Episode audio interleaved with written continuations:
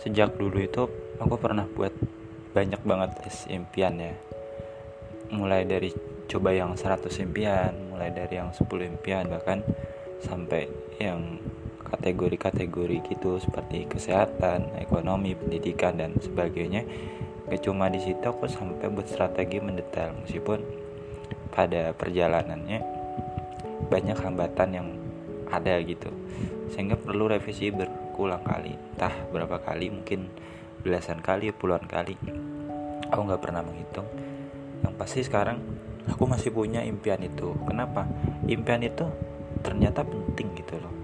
Impian itu bukan sekadar tulisan di atas kertas yang berisikan tulisan, rencana, dan strategi, tapi jauh lebih dari itu. Dia jika dikonversikan ke dalam nilai-nilai, lalu kita yakini sebagai doktrin bahwa suatu saat kita akan mencapai ini, akan meraih ini, itu akan jadi semangat lebih buat kita. Sesulit apa pun keadaan kita ketika kita masih punya impian, itu akan tetap hidup. Impian dan harapan itu masih sangat berguna dan berharga untuk kehidupan kita di mana pun kita berada. Kenapa? Bisa dibilang harapan itu seperti bahan bakar, impian itu seperti bahan bakar kita untuk tetap hidup. Berbeda dengan masalah, kalau masalah itu kan lebih ke bumbu ya, tapi kalau harapan itu dia lebih ke hasil akhirnya seperti apa.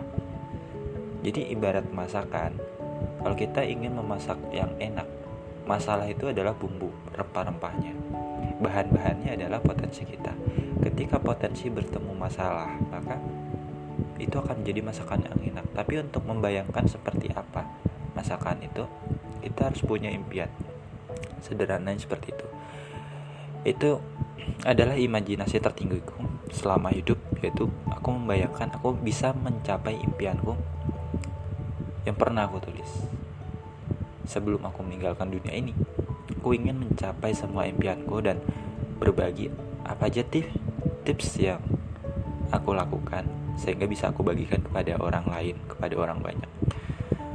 Ya kalau secara fisik aku nggak terlalu kuat ya. Secara skill set mungkin ada.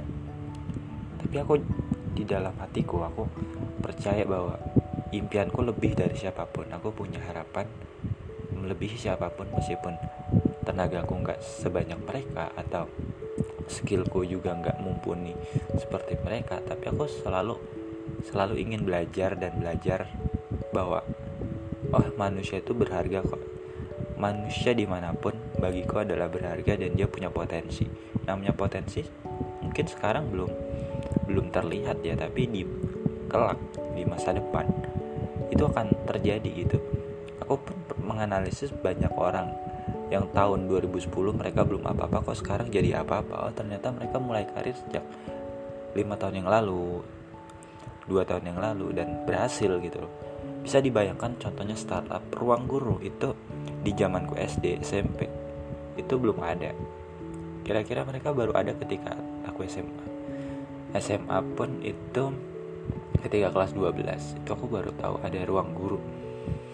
Ya Zenius itu pas aku SMP aku baru tahu ada Zenius. Tapi mereka kan baru hipnya tuh tahun ini ya ketika pandemi anak-anak bingung mau belajar di mana. Ya udah akhirnya mereka belajar di Zenius. Aku pun sekarang langganan Zenius per tahun tapi susah banget cari waktu untuk belajar di Zenius itu langganan setahun sampai bulan Juli tahun depan. Ya waktu itu lagi ada promo sih 90% gitu. Ya tentu ada hal yang dikorbankan juga. Tapi kembali ke imajinasi tertinggi ada banyak impian yang pernah aku tulis pernah aku catat bahwa aku tuh pengen ini pengen ini. Gimana ya caranya? Aku tulis strateginya di situ. Ya ada sih banyak masalah yang datang menerpa tapi aku kadang ingin menyerah juga kadang ingin berhenti terus kayak sendirian gitu bingung sama diri sendiri. Gimana ya ini? Pas sendiri dan capek juga ternyata. Tapi aku selalu yakin sama Tuhan bahwa hidupku tuh jauh lebih berharga daripada apa yang aku kira